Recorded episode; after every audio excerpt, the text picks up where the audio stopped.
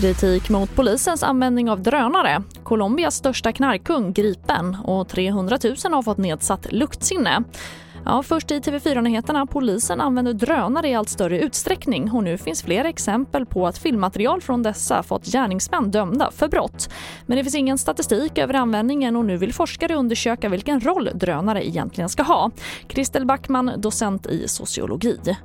Dels är det ju en integritetsaspekt och den andra delen är att det också handlar om en resursfråga. Så det handlar ju om var polisen lägger sina resurser och vi vill ju veta att polisen lägger sina resurser på de delar som ger bäst effekt helt enkelt.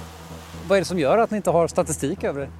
Vi har haft ett avrapporteringssystem eh, som idag inte finns längre eh, som ska återinföras här så fort som bara eh, IT-verksamheten kan hjälpa oss med det jätteviktigt. Det är nog prio ett för oss som eh, sysslar med att ta ansvar för verksamheten att vi kan eh, få en bättre bild än vad vi har idag.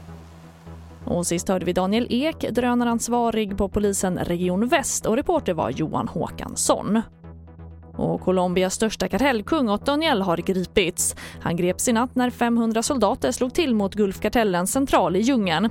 Otoniel beskrivs som en hänsynslös arvtagare till Pablo Escobar och är utöver misstankarna för narkotikabrott även misstänkt för övergrepp mot barn.